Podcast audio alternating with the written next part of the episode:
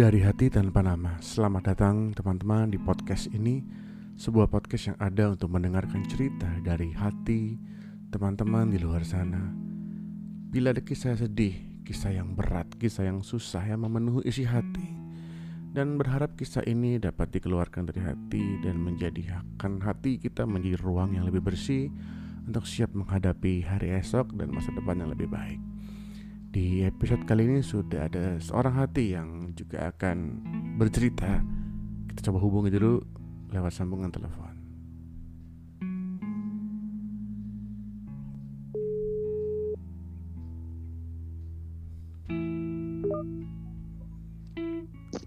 Halo, selamat siang.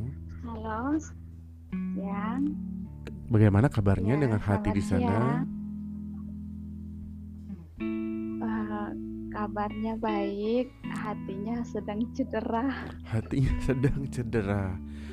Ada apa dengan hatinya kok bisa cedera ini? Siapa yang mencederai?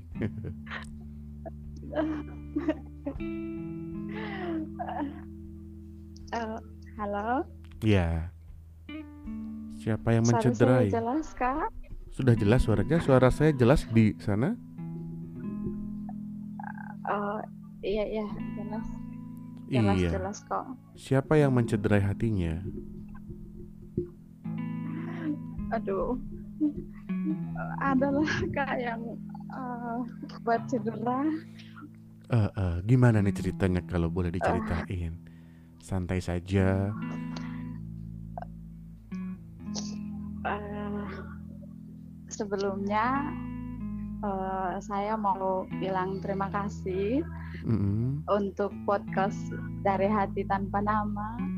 Eh, jujur aku kayak lega gitu waktu nemuin akun ini Oh, terima kasih juga. karena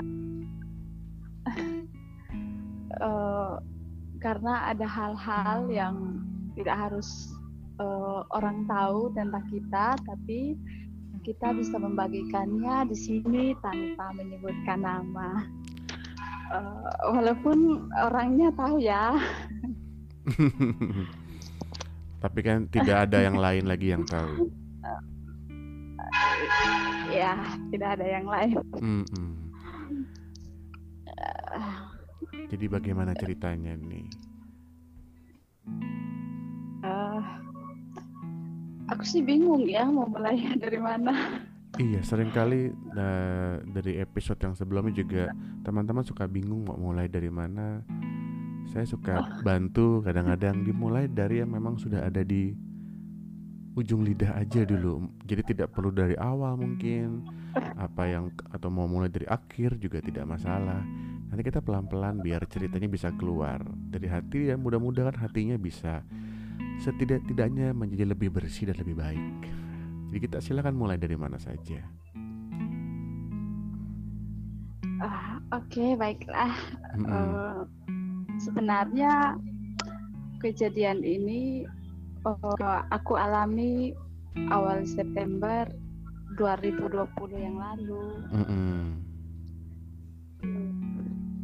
Kejadian ini memang membuat saya eh, benar-benar takut, eh, trauma, dan eh, membuat rasa percaya pada orang lain itu makin lama makin memudar gitu. Hmm.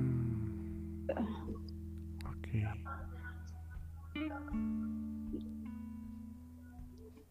Eh, hal ini terjadi eh, ketika orang yang benar-benar saya anggap seperti saudara atau orang tua eh, melakukan hal yang seharusnya eh, tidak boleh dia lakukan kepada saya.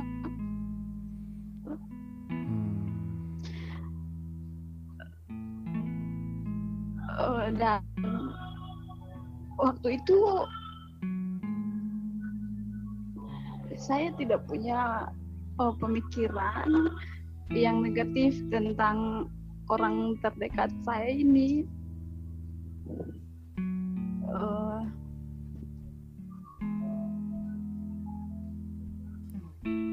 karena dia melakukan itu dengan strategi yang benar-benar rapi begitu. Tidak tercium baunya kalau hal itu akan terjadi ya. Dia akan melakukan suatu uh, tindakan pelecehan terhadap saya begitu pak. Hmm. aduh ya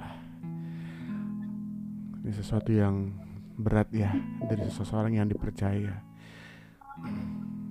Iya kalau boleh dari awal kan tadi dibilang ah, secara rapi dan secara strategi. Itu mungkin uh, awalnya gimana? Saat di flashback diingat uh, lagi mulanya sebenarnya dari mana? Uh, awalnya orang terdekat saya ini mengalami suatu uh, kecelakaan kecil. Kecelakaan ringan gitu yang uh, membuat kakinya memar bagian hmm. kaki sampai bagian pahanya memar begitu kak hmm. uh, waktu itu saya masih ingat benar-benar ingat kejadiannya um, waktu itu karena saya masih di rumah uh, saya kan kuliah mm-hmm. tapi kuliahnya sekitar jam 10-an lah kak mm-hmm. gitu jadi waktu itu saya masih di rumah uh, udah jam mau jam 9 lah gitu masih di rumah masih belum mandi juga belum siap tapi uh, istri dari orang terdekat saya ini sudah berangkat kerja dari jam 8 lah gitu hmm. sudah berangkat kerja jadi yang cuma tinggal di rumah cuma saya dan orang terdekat saya ini. Hmm. uh, waktu itu dia bilang ke saya uh, dek tolong dong uh, masak air buat kakak katanya gitu. Uh, kakak mau uh, ini kompres kaki katanya. Bisa kompres nggak? Uh, kak minta tolong nih kak. Jadi ya udah uh, kamu belum kuliah kan? Katanya gitu. Oh iya kuliahnya jam 10 kak. Oh iya masih bisa. Tolong kakak ya. Dia gitu. Mm. jadi uh, aku masak air loh kak. Uh, setelah udah panas airnya aku angkat. Terus aku bilang kak udah nih. Saya bilang hmm, uh, kamu tolong kakak ya uh, kompresin kaki kakak gitu ya udah aku ambil handuk kecil terus aku mau kompresin uh, kakinya gitu. Tapi karena airnya terlalu uh, panas jadi aku masuk ke kamarnya terus uh, masuk ke dalam kamar mandinya terus mau nambahin air dingin gitu kak. Mm -hmm. uh, waktu aku masuk ke dalam kamar mandi uh, aku nggak tahu kalau dia itu uh, udah kunci pintu dari dalam gitu kak. Uh, udah kunci pintu dari dalam uh, uh, waktu aku keluar uh, dia bilang oh ini tolong uh, kompresin kaki kakak kata dia gitu. Terus dia suruh kompres kakinya gitu. Uh, kata dia aduh sampai bahaya soalnya ini memar katanya gitu. Uh, jujur waktu itu aku sudah mulai agak gimana gitu sih kak rasanya? Uh, kok uh, kayak takut gitu. Terus um, dia bilang e, kamu gak usah takut kata dia gitu. Ini nggak bakal ada siapa-siapa yang tahu katanya gitu. Uh, terus aku lihat mm, maksudnya apa? Aku tanya kan maksudnya apa? Gitu. Uh, terus dia pegang tangan aku gitu kak uh, dia udah mau uh, melecehkan saya gitu. Dia udah pegang tangan terus kayak aku dorong dia kuat-kuat gitu. Mm-mm. aku dorong gue dia kuat-kuat sampai di, tam- di tempat tidurnya terus aku kab- aku lari ke pintu mau keluar gitu. Eh, oh lari ke pintu pintunya kekunci kak. Oh. Oh, my god. Pokoknya jadi terperangkap ya di dalam kamar. Ya udah kayak terperangkap gitu dalam kamar. Mm-mm. Eh, terus dia coba tenangin saya bilang "Eh, nggak apa-apa ini eh, nggak bakalan ada orang yang tahu. Eh, kata dia gitu. Eh, tapi eh, aku udah nangis ya aku nggak bisa ngapa-ngapain gitu. Eh, eh, tapi aku rasa eh, aku nggak bisa melakukan itu gitu. Mm-mm.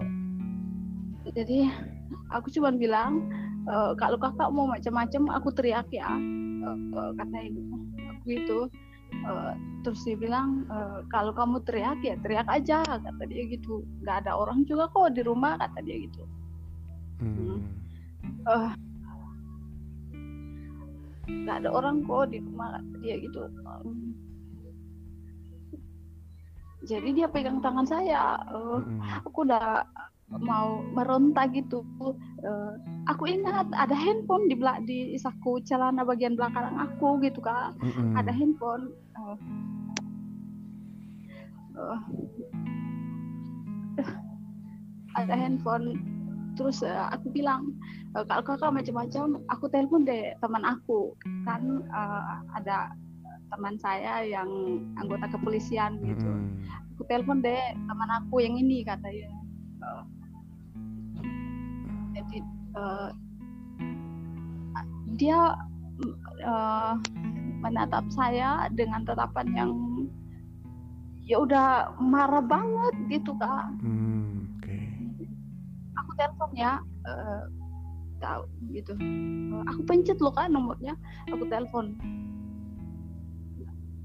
Eh, teleponnya udah berling udah masuk nih Eh, dia mau eh, naruh berusaha nangkap HP-nya eh, Oh, rebut. HP-nya dari aku gitu Mm-mm. dari aku tapi aku teriak kencang-kencang kak gitu Eh, Oke. handphonenya jatuh tapi sudah tapi sudah diangkat tapi aku teriak kencang-kencang gitu Oh jadi udah aku sebut namanya udah didengar berarti ya. ya. Oh, udah didengar gitu kak Mm-mm. eh, oleh teman saya yang ke polisi ini terus saya Mm-mm. terdengar aku teriak gitu Eh, karena dia udah takut gitu jadi dia langsung eh, pegang kunci kamarnya terus lempar ke saya gitu Oh, Eh, Oke. ya dilempar ke saya aku eh, buka pintunya cepat-cepat terus aku keluar gitu handphonenya aku tinggalin di dalam di dalam kamarnya dia aku udah nggak berani nggak berani mas nggak berani ambil gitu pak Mm-mm. karena eh, handphonenya udah jauh gitu Mm-mm. karena rebutan jatuh kan kak jadi jauh Iya. gitu. Eh, terus aku keluar berhasil keluar Berhasil keluar kamar. ya bisa. Kemudian apa yang Ya. terjadi setelah itu? aku berhasil keluar dari kamar Eh, aku masuk ke kamar aku Mm-mm. aku masuk ke kamar terus eh, aku kunci dalam kamar gitu hari itu eh, aku memutuskan untuk nggak kuliah gitu kak. Mm, karena saking takutnya kan Mm-mm. eh, aku nggak keluar rumah aku nggak keluar kamar aku juga nggak mau makan Eh, terus eh, dia udah mau berangkat kerja yang jam 10 dia bilang bilang gini "Ini, handphone kamu aku taruh depan pintu ya kata dia gitu Oh oke. Eh, aku nggak jawab juga eh, aku di dalam kamar aja aku udah nangis nangis gitu Mm-mm. Eh, semenjak eh, kejadian itu a- aku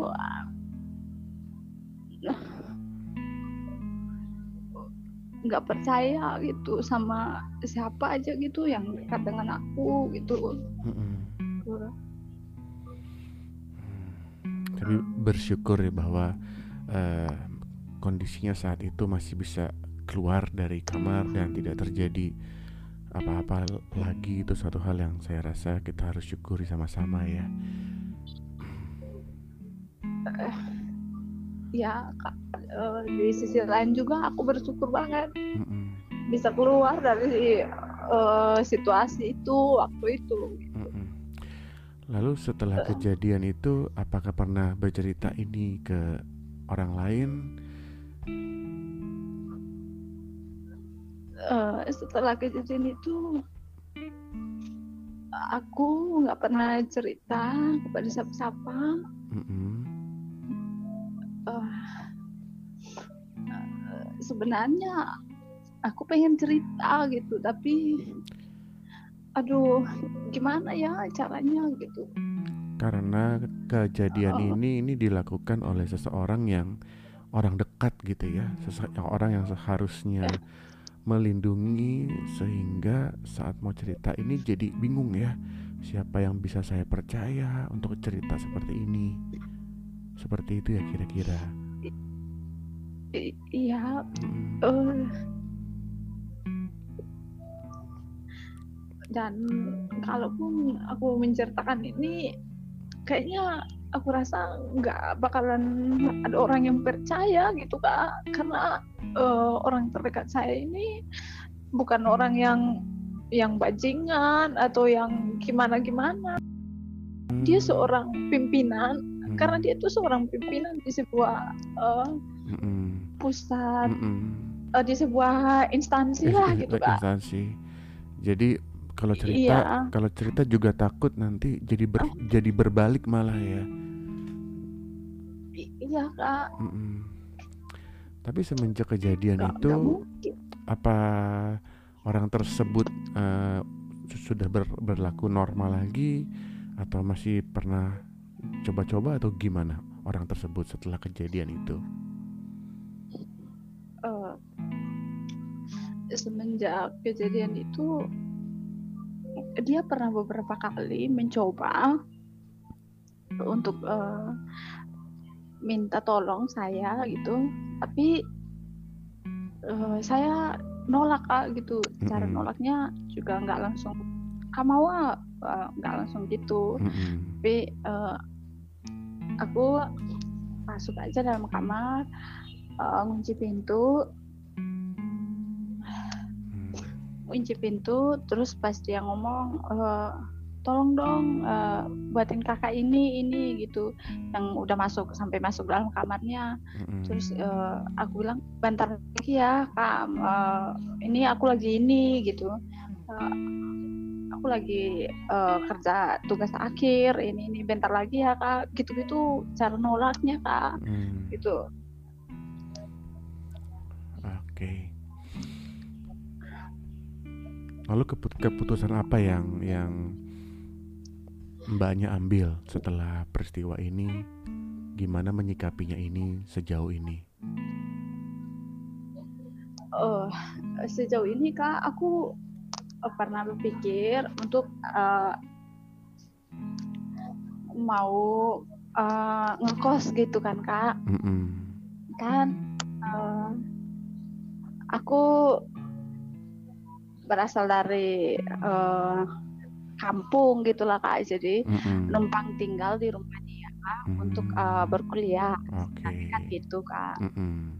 uh, dan satu-satunya orang yang terpercaya dari orang tua saya di kampung mm-hmm. cuman dia gitu kak mm-hmm. bisa dipercaya untuk nitipin saya gitu di rumahnya gitu aku tinggal di rumahnya gitu mm-hmm jadi uh, di satu sisi aku mau bilang ya ke keluarga aku di kampung kalau uh, kejadian ini begini-begini, aku pernah begini. Tapi aduh itu nggak mungkin banget kak aku lakukan gitu. Mm-hmm. mungkin banget aku ceritakan gitu. Uh, jadi aku sempat berpikir untuk aku mau uh, ngambil keputusan buat uh, pindah aja deh mm-hmm. dari sini gitu Oke. Okay. Memang kejadian seperti ini yang uh, siapa sih yang uh, menginginkan ya tapi uh, cerita yang mirip-mirip itu juga pernah saya dengar dari beberapa orang lain. Mungkin kalau saya boleh sharing sedikit pengalaman mereka, satu hal yang mereka harus yang mereka pertama kali lakukan ad adalah mereka melihat bahwa ini bukan kesalahan mereka. Sebentar, halo. Iya, jadi saya ulangi ya. Jadi uh, dari kejadian mirip-mirip se seperti ini di mana ada seseorang yang yang apa ya uh, dilecehkan atau hampir dilecehkan oleh orang terdekat atau orang dekat atau keluarga atau teman uh, mereka suka berpikir bahwa ini kesalahan mereka jadi pertama kalau saya boleh sharing ini bukan kesalahan mbak sama sekali ya. Jadi jangan jangan ada ber, berpikir itu. Pertama kalau memang tidak ada pikiran seperti itu bagus. Lalu yang kedua dari teman-teman yang pernah mengalami ini, ini itu ada namanya uh, respect ya. Harga diri. Bagaimana kita membangun harga diri kita sendiri dan respect dan hormat dari orang lain ke kita itu ditentukan oleh sikap kita nah saya berharap dengan kejadian ini mbaknya boleh belajar memberikan semacam sikap yang tegas semacam sikap yang membuat supaya semakin orang lain lebih segan. Sekalipun itu orang dekat tidak ada orang yang menganggap orang, mbaknya lemah. Karena secara umum saya bukan psikolog saya bukan seorang ahli di sana tapi secara umum ceritanya sering kali pelecehan itu datang kepada kita karena orang lain menganggap kita lebih lemah Nah karena itu kita mesti membangun kita punya gaya bahasa, kita punya pembawaan, kita punya karakter itu menunjukkan ke orang lain bahwa saya tidak lebih lemah dari siapa pun, bahwa saya seorang yang berharga, saya seorang yang punya jati diri. Itu yang mesti kita tunjukkan supaya orang jadi lebih menghormati dan segan kepada kita. Itu yang saya rasa pelajaran yang kita mesti ambil. Karena saya tahu ini kejadian yang memang tidak makan berat sekali ya. Tapi kita belajar bahwa inilah di dunia ini gitu ya. Inilah kenyataan kehidupan. Dan dengan kejadian seperti ini kalau teman-teman yang pernah saya dengar ceritanya mereka menjadi pribadi yang lebih kuat. Mereka bisa menunjukkan kekuatan dan jati dirinya sehingga orang menjadi jauh lebih hormat dan respect kepada dia. Dan tidak jarang kasusnya malah dalam kehidupannya mereka menjadi sukses. Mereka menjadi pejuang kehidupan, kerja, membangun kehidupannya malah semakin gigih. Hanya karena pernah mengalami kisah-kisah seperti ini. Jadi saya ingin supaya Mbak jangan malah jadi takut, jangan jadi ketakutan nggak bisa percaya sama orang. Memang kita nggak bisa kontrol orang, tapi yang kita bisa kontrol adalah bagaimana kita menunjukkan ke orang lain bahwa saya orang yang harus dihormati, saya orang yang harus disegani, Nah itu yang mesti dibangun mbak. Kalau mbak punya teman, punya keluarga yang bisa dipercaya Mungkin nggak perlu cerita ini. Tapi untuk membangun harga diri Ayo sama-sama. Itu sih yang saya bisa sharing singkat ya Karena dunia orang-orang dekat itu ada aja yang berusaha mau menyakiti kita, melecehkan kita, menipu kita kalau di dunia bisnis misalnya atau di dunia pertemanan mau mengkhianati kita. Itu semua bisa terjadi kepada siapa pun dan kapan pun. Tapi biarlah hati kita menjadi hati yang bersih hati yang kuat dan bisa ber, ber, berkata aku orang yang kuat aku tidak takut karena aku mau, mau memberitahu kepada semua orang saya orang yang harus dihormati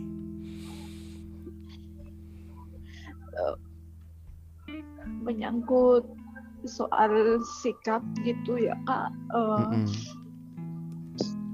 uh, sebenarnya saya juga tahu diri ya kak saya mm -hmm. kan uh, di rumahnya numpang tinggal di rumahnya orang gitu mm -hmm. uh, anak perempuan lagi gitu kak mm -hmm. jadi kalau uh, kalau saya juga bertanya-tanya, aduh apa sih salahnya aku sampai kejadiannya sampai kayak gini? Nah itu dia. Emang di rumah? Bukan, tidak ada salahnya. Uh, emang, tidak ada salahnya. Sorry emang ya. di rumah?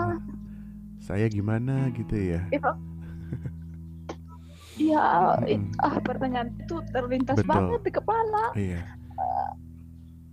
Itu seperti aku yang nggak pernah loh pakai eh, aku nggak pernah loh kak eh, memakai pakaian yang kurang sopan gitu. Mm-mm. Eh, pakai pakaian pun celana aku maaf ya celana aku nggak pernah sampai di atas lutut loh, kak. Aku Hmm. cukup tahu tahu diri gitu. Betul. Baju aku nggak pernah yang seksi seksi kebuka kebuka gitu. Mm-mm. lagian juga kan aku pikir nggak per- nggak ada yang perlu aku tunjukkan dari diri dari eh, badan aku secara fisik itu ya kan Mm-mm. Eh, secara fisik itu ya aku aku kalah banget gitu sama istrinya gitu kan bukan mau insecure ya gitu Iya. ya bukan tapi Mm-mm. memang itu kenyataannya Seperti yang saya bilang Iya. di awal, jangan pernah berpikir ke arah sana. Tidak ada setitik pun kesalahan ini dari Mbak.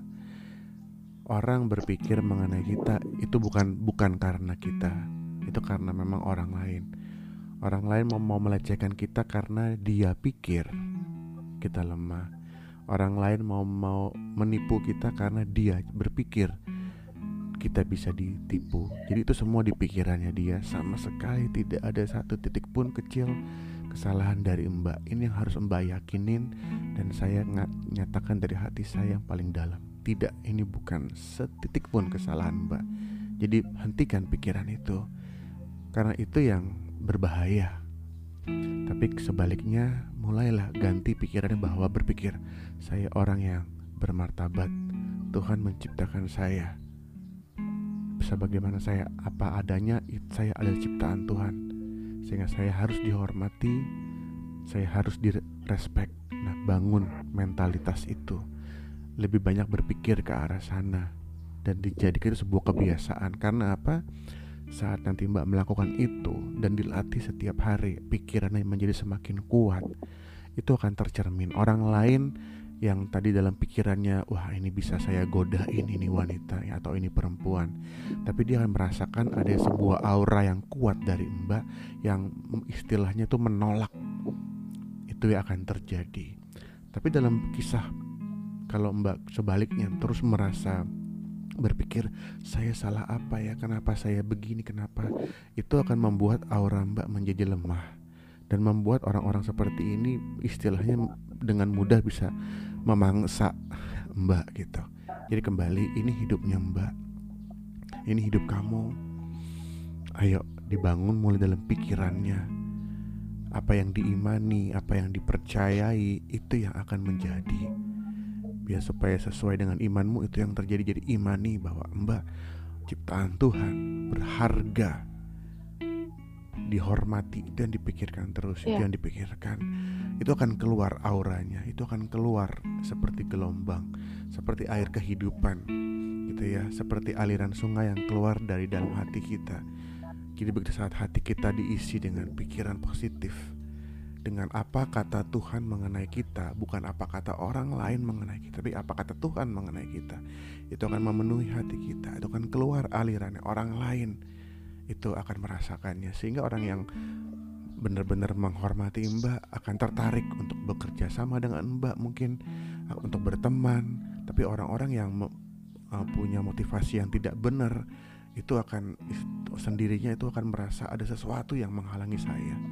Nah biarlah aliran air ini keluar dari hati Mbak.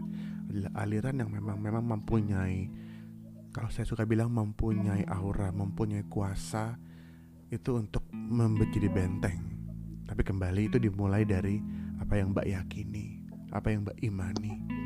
Jadi diimani bahwa Mbak ada ciptaan Tuhan, berharga. Dan hidup Mbak adalah apa kata Tuhan, bukan apa kata orang lain. Apalagi apa kata orang-orang culas seperti itu, jangan dipikirin. Terus ditanamkan itu. Itu sedikit lah eh, kalau saya boleh sharing apa yang kita bisa apa yang Mbak bisa lakukan supaya berkaca dari perjalanan kejadian ini. Mbak nanti mungkin satu saat ada orang lain yang mengalami Mbak bisa hadir buat mereka menjadi kekuatan buat mereka menopang mereka. Karena segala sesuatu terjadi pasti ada mak- ada maksudnya. Dan kita yang mengatur. Kejadian ini akan menghancurkan saya atau kejadian ini membuat saya menjadi kuat dan keluar terlahir menjadi pemenang atau bahkan lebih dari pemenang itu yang kita tentukan sesuai dengan keyakinan dan iman kita ya itu aja yang saya boleh sampaikan. Ya. Terima kasih banyak untuk ceritanya, untuk boleh berbagi sebuah pengalaman yang menakutkan tentunya saat itu. Tapi biarlah ini membuat Mbak menjadi Ya. seorang yang lebih dan lebih lagi. Ya, Ya, terima kasih juga ya Kak sudah mau mendengarkan cerita saya. mm-mm. Sekiranya orang-orang atau perempuan-perempuan di luar sana yang mendengarkan podcast ini bisa teredukasi dengan pengalaman yang saya alami bahwa eh, kemungkinan terbesar orang untuk melecehkan kita itu orang terdekat kita ya karena betul. ini yang saya yang pernah terjadi di saya ya kak saya nggak Betul. bilang semua orang terdekat itu akan melecehkan kak ya Iya, Eh, karena orang-orang terdekat itu tahu eh, kita nih orangnya gimana gitu jam Mm-mm. segini dia lagi ngapain jam segini dia lagi ngapain gitu sih iya betul. yang eh, pelajaran yang saya ambil dari sini Mm-mm. Dari awalnya juga kan eh, saya ini kan dari latar belakang yang tidak mempunyai saudara laki-laki ya Mm-mm. Eh, kami semua cewek nggak ada laki-laki gitu Mm-mm. kalau di rumah itu eh, aku tuh nggak pernah lihat bapak bapak itu eh, maaf ya kak nggak pakai baju kalau di rumah gitu Mm-mm. kami itu aduh semuanya nggak pernah ada yang eh, aneh-aneh gitu kak. Ba- bapak aja nggak pernah nggak pakai baju sih kalau di rumah nggak pernah itu. Jadi eh, sampai di sini oh ternyata di sini kayak gini ya. Kok bisa bisanya hal itu terjadi ya? Kata gue gitu. Ya kita tidak pernah duga sih. Kadang-kadang orang suka bilang serigala berbulu domba atau lain sebagainya. Kita tidak bisa menduga, menebak atau meng- mengkontrol apa yang terjadi di luar kita. Yang bisa kita lakukan adalah selalu berjaga-jaga. Dan tadi yang Mbak bilang benar, Ya. Orang yang cenderung bisa menyakiti kita, orang yang bisa melecehkan kita itu orang terdekat. Iya, orang yang bisa menipu kita juga itulah memang itulah orang terdekat saya bukan bilang bahwa orang terdekat itu semua seperti tapi kita harus mengerti bahwa ya tetap berjaga-jaga gitu ya dan saling mengingatkan lah Mm-mm. Eh, dan yang aku keselkan sampai saat ini kejadian itu udah terjadi ya kak ya Mm-mm. Eh, dia dengan tanpa bersalahnya nggak ada pernah eh, maaf ya atas kejadian itu nggak ada kak itu yang buat gue gedek banget gitu. Jangan jangan tidak per- jangan diharapkan saya suka bilang sep- seperti ini ya jangan pernah mengharapkan sesuatu yang manis keluar dari sesuatu yang akan pahit terjadi Iya, tidak pernah sesuatu yang manis itu keluar dari sesuatu yang pahit. Itu tidak pernah ada. Jadi kalau memang ada orang yang isinya rusak, isinya culas seperti itu, jangan harapin, jangan itu itu sia-sia. Buang-buang waktu dan buang-buang energi. jangan di, jangan diharapkan. Lebih baik kita mengerti, oh ya dia orang seperti itu ya udah, saya bikin pagar biar saya bisa ber- berjaga-jaga. Per- percuma ya, kita tidak bisa mengharapkan. aduh itu buat gue banget kak Percuma mbak, jangan. Dari cara mbak ber- ber- berbicara, mbak tuh masih mengharapkan keadilan dari kejadian itu. Tidak bisa. Kita tidak bisa mengharapkan keadilan dari orang yang tidak memperlakukan orang lain dengan adil. Nggak bisa. Dan yang menjadi keadilan kita adalah diri kita sendiri. Ya udah, saya mau adil sama diri saya. Kalau memang orang seperti itu tidak bisa memperlakukan adil, saya mau adil dan dengan diri saya dengan memutuskan bahwa saya tidak mengharapkan keadilan dari orang seperti itu. Kalau kita terus mengharapkan, itu istilahnya di dalam diri kita tuh masih seperti ada apa ya ikatan gitu loh, ikatan semu ke orang itu untuk mengharapkan dia. Kita jadi kesel, kita marah-marah, gila ya itu orang nggak pernah berpikir apa dia itu dia mau mele- mele- melecehkan saya, dia mau gini kok dia nggak merasa dia. Terus kita ber- berpikir, terus kita berpikir, kita jadi simpan simpan sampah dalam hati kita, simpan sampah dalam pikiran kita. Yang dirugikan siapa? Ya, Mbak sendiri. Dianya terus aja diri sendiri jalan. Iya. jadi itulah saya eh, terpanggil untuk bikin podcast ini supaya apa biar bisa cerita biar hatinya bersih dikeluarkan sampah jangan disimpan jangan pernah mengharapkan sesuatu yang baik keluar dari sesuatu yang buruk itu tidak pernah terjadi itu harapan sia-sia jadi percuma percuma. Jangan kesel-kesel. Itu nggak ada gunanya. Lebih baik dipakai energinya dilatih hati mbak pikiran mbak untuk mendesain masa depan. Bagaimana saya menjadi perempuan yang lebih baik. Bagaimana saya bisa menjadi perempuan yang lebih dihormati. Lebih baik dipakai itu daripada cuma mikirin orang. Kenapa dia nggak minta maaf? Kenapa dia begitu? Kenapa dia begini? Sesuatu yang kita tidak bisa kontrol. Lebih baik kita bisa kontrol pikiran kita hati kita kepercayaan kita iman kita. Itu yang dilatih ke arah yang lebih baik lebih baik lebih baik lagi. Ya?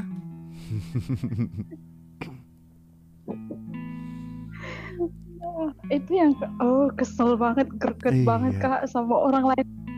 Maaf ya aku terlambat kantor hari ini. Maaf ya gini-gini.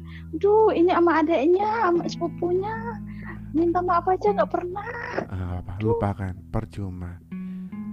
Per- percu- istilahnya seperti ini ya. Ah, anggaplah ada di di jalan di kampung gitu ya. Ada tiang listrik ya. Jalan. Jalannya dilebarin tapi tiang listriknya nggak dipindahin. Ada di tengah jalan. Lalu kita mau marah-marah sama tiang listrik itu. Ya kan? Kita nggak percuma. Percuma. Lebih baik kita minggir aja kita lewati tiang listrik itu. Karena tiang listrik itu akan terus ada di, di tengah jalan. Orang-orang seperti itu akan terus ada dan dia tidak akan menjadi orang yang terakhir. Mbak akan menemukan dalam kehidupan orang-orang seperti itu. Nah kalau kita terus sebel kita terus emosi kita terus kesal dengan orang seperti itu aduh sukacita kita kok jadi ditentukan oleh orang seperti itu. Rugi sendiri mbak Iya. iya rugi lebih baik tidak janganlah. Lihat sesuatu yang baik lihat sesuatu yang indah kejar itu. Biar orang suka bilang anjing menggonggong kafilah berlalu. Biarin aja ya. Sekali lagi ini karena juga dur durasi jadi terima kasih banyak. Nanti kalau eh, mbak ada mau cerita lagi mau tanya-tanya kan kita tetap tetap bisa berkomunikasi via via DM dan mudah-mudahan ada cerita baik berikutnya ya. Yang mbak bisa ceritakan juga.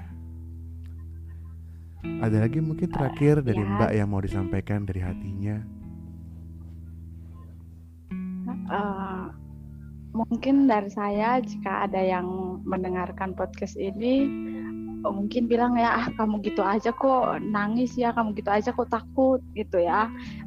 Baik masing-masing orang punya karakternya masing-masing Mhm. punya eh, pikirannya masing-masing gitu. Jadi eh, pengalaman kita tidak bisa disamakan dengan Betul. pengalaman orang lain. Betul sekali betul sekali.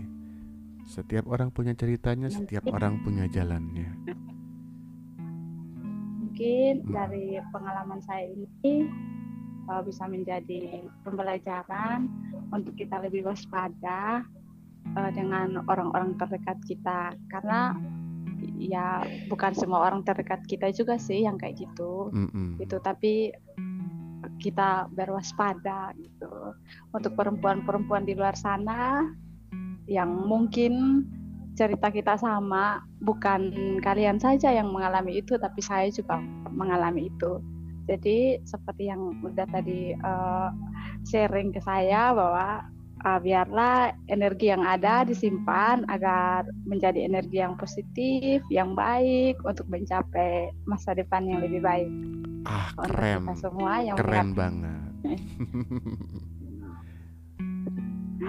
Terima Iya. kasih. Sama-sama, terima kasih juga. Tetap jaga kesehatan dan hari esok akan lebih baik dari hari ini. Terima kasih sudah berbagi ceritanya dari hati tanpa nama ya. Selamat siang. Selamat siang. Ya, sebuah cerita yang saya harap menjadi pembelajaran buat kita semua untuk bahwa hidup kita ditentukan oleh kita sendiri.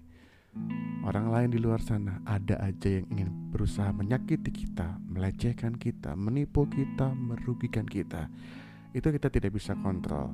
Yang kita bisa kontrol adalah hidup kita. Kita jaga dan jangan terpengaruh dan membuat mereka hadir dalam pikiran kita.